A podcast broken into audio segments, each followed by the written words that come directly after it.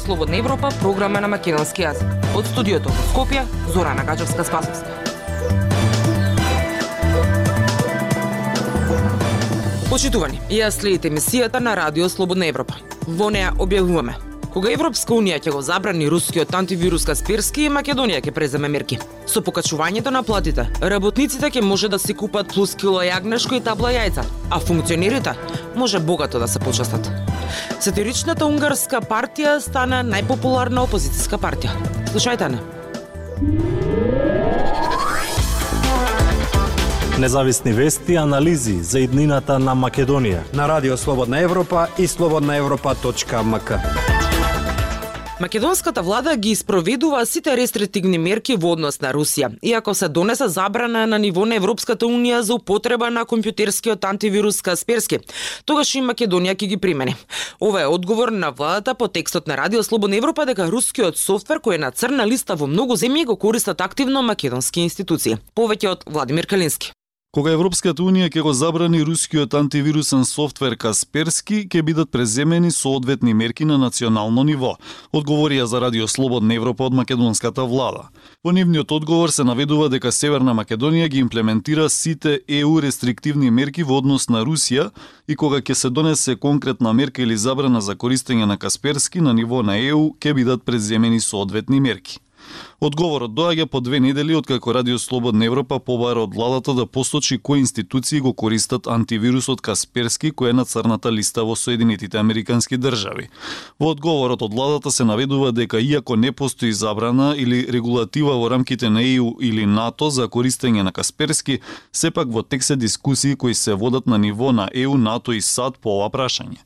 Нашата земја ќе се приклучи во имплементацијата на одлуките, односно мерките кои ќе бидат донесени се наведува во владиниот одговор. Радио Слободна Европа на 7 април објави дека македонските институции го користат софтверот на рускиот производител Касперски, иако тој е на црната листа во многу земји.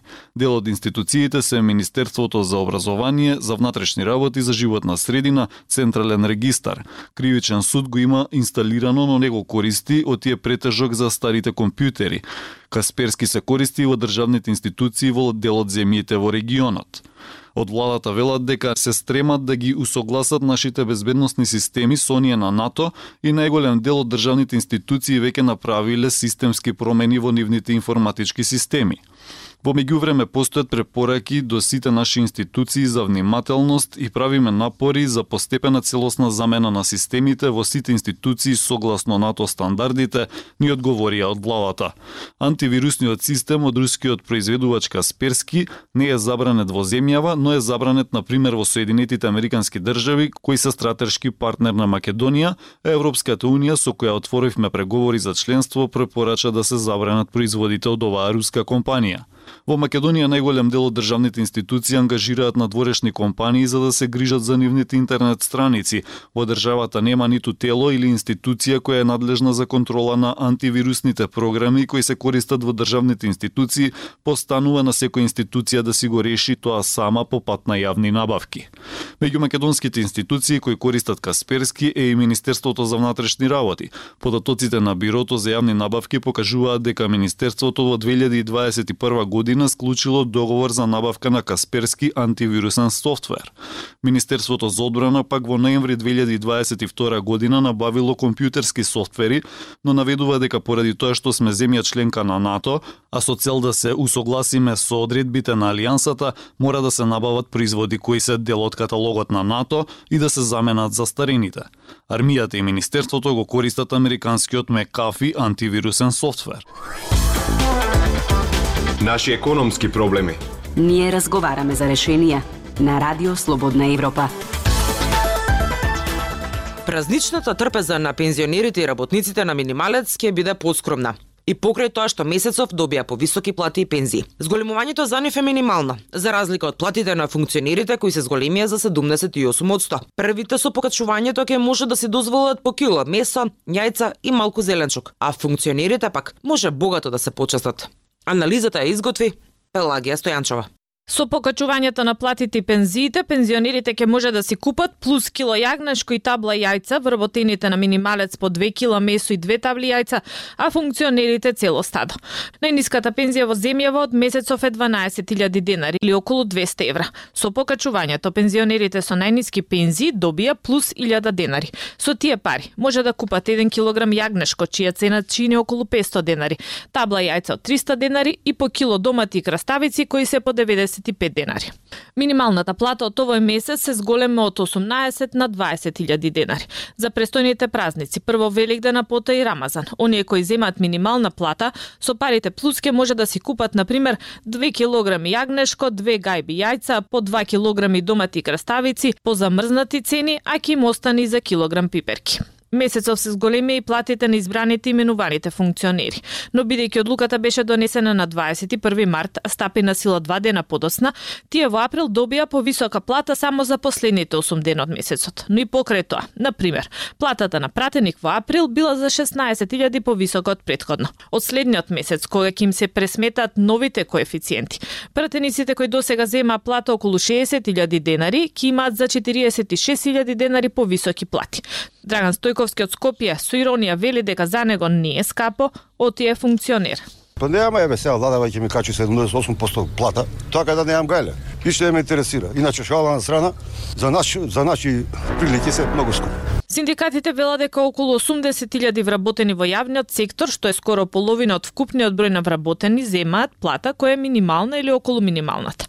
Тие велат дека покачувањето од околу 2000 денари нема да им биде од голема помош, бидејќи инфлацијата е голема. Та мислам дека апсолутно никаква бидејќи ние од лани до сега имавме инфлација огромна, што значи дека 2,5 минимални плати ќе бидат доволни за да се прехрани едно четврточно семејство без автомобил, како што се оние параметри кои по кои што се пресметува минималната плата од страна на СЗМ.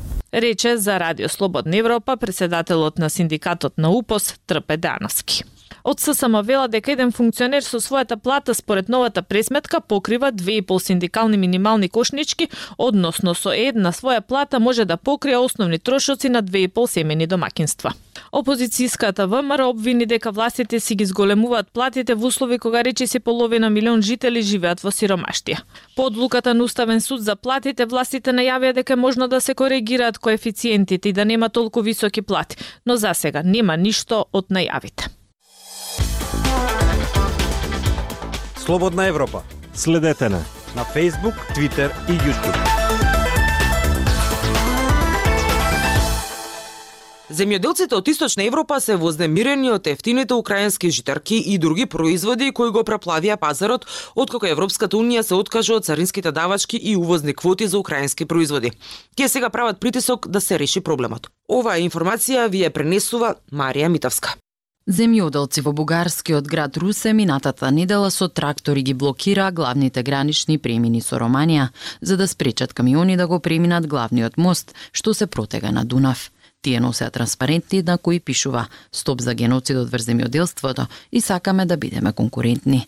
Бугарските земјоделци велат дека околу 40 од 100 нивниот род од минатата година, главно жито и семки од сончоглед, останува непродаден, а вишокот нема каде да го складираат пред годинешната реколта.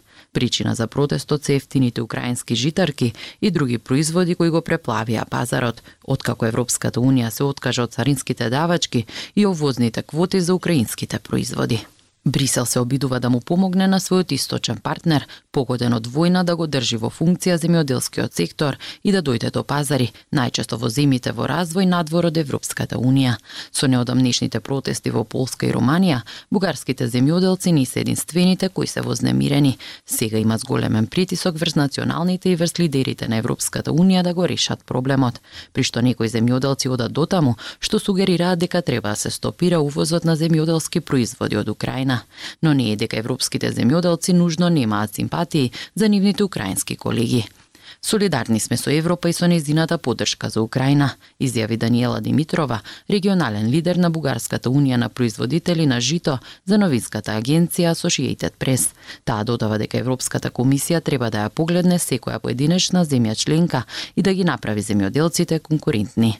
Земјоделците во Бугарија кои одгледуваат снимки од сончоглед, еден од главните извозни производи во земјата, велат дека не може да се надпреваруваат со огромниот наплив на украински стоки што го преплавуваат пазарот. Заменик министерот за земјоделство Тодор Джиков неодамна за бугарското национално радио изјави дека во 2021 година во Бугарија од Украина биле увезени 20.000 тони сончоглед, а во 2022 година беа увезени речиси 900.000 тони, што доведе до пад на цената на домашниот пазар за речиси 50 Многу земји, особено на Блискиот Исток и Африка, беа зависни од украинскиот увоз на тие производи, со блокирани пристаништа и одсечени алтернативни бродски рути. Околу 20 милиони метрички тони жито беа заглавени во Украина во летото 2022 година, пред да почне новата жетва.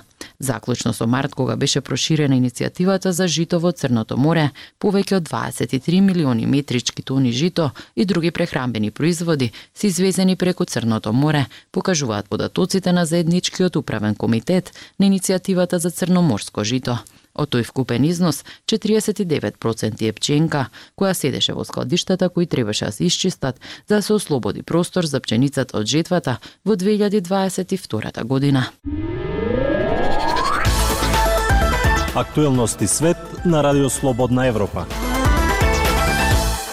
Сатиричната унгарска опозициска партија Куче со две опашки е најпопуларна опозициска партија во Унгарија, иако има помалку од 100 активни членови. Во предизборието, исмевајќи ги своите колеги политичари, ветуваа буквално дека ќе изградат планина, бесплатно пиво и вечен живот. Деталите ви ги пренесува Емил Златков. Унгарските ТВ гледачи добија повеќе од колку што очекуваа кога во март 2018-та за време на политичката програма фокусирана на престојните парламентарни избори, джиновско жолто пиле облечено во деловен костум седеше спроти водителот и колку дакаше цели 5 минути. Партијата која стоеше за довој настан имаше цел да го нагласи фактот дека опозицијските партии можат да одат на јавните телевизиски канали поврзани со владата само 5 минути на секои 4 години. Станува збор за унгарската партија Куче со две опашки, која стана озлогласена за абсурдниот хумор и ироничните објави на социјалните мрежи. И покрај тоа што прави малку од она што може да се очекува од една опозицијска партија во една од најдемократски оспоруваните земји, на претходните избори им вети на гласачите бесплатно пиво и вечен живот, таа сега е најпопуларната опозицијска партија, Кога опозицијата изгледа неспособна и МККП и движењето нашата тковина стануваат посилни. Но додека вториот е зајакнат од интернет гнев на луѓето, поддршката за МККП е засилена со чувството на безнадежност. Вели политикологот Балин Руф, ко-председателот на унгарската партија Куче со две опашки. Гергели Ковач, 42 годишен уметник и графички дизајнер, ја основаше партијата во 2006 година заедно со група активисти во Сегет, На почетокот партијата остана доследна на своето потекло на абсурдниот хумор, ветувајќи дека ќе ја поправи дупката во озонската обвивка, на пример. Но во повеќе од една деценија владење на Орбан и Фидес, партијата на кучето со две опашки стана пополитичка, одговарајќи на владината скептична у кампања Стоп за Брисел и постави своји билборди Стоп за запирање на Брисел, исмејувајќи ги владините антимиграцијски постери кои беа поставени на секаде. И покрај тоа што партијата Куче со две опашки има придобивки, таа се уште не собра повеќе од 5% од гласовите, што е праг за влез во парламентот. Нема да плачам затоа што не сме во парламентот. Може да направите многу повеќе локално. Вели Ковач во интервју за унгарскиот сервис на Слободна Европа. По локалните избори во 2019-тата пет членови на партијата станаа локални изборни представници, иако двајца од тогаш се откажа од партијата. Во 2020-тата, мрежата на активисти на партијата им помагаше на постарите луѓе за време на пандемијата и по целосната инвазија на Русија на Украина во 2022-та, тие собраа 3 милиони форинти за бегалците, носејќи помош на преполните железнички станици во главниот град. Но станувањето политичари значеше исправување со скандали. Еден од петте членови што требаше да бидат избрани во локалните собранија, Атила Палмај, ја критикуваше партијата за како што вели недостигот на финансиска транспарентност – и додека партијата има повеќе од 7000 активисти, бројот на вистински членови останува под 100, бидејќи пристапувањето се заснова на комплициран систем на препораки. Партијата Куче со две опашки обвинета и за одземање гласови на опозицијата. Тоа беше се што ви подготвивме за оваа емисија. Со вас од студиото во Скопје беа Зора Нагажевска Спасовска и Дејан Балаовски. До слушање.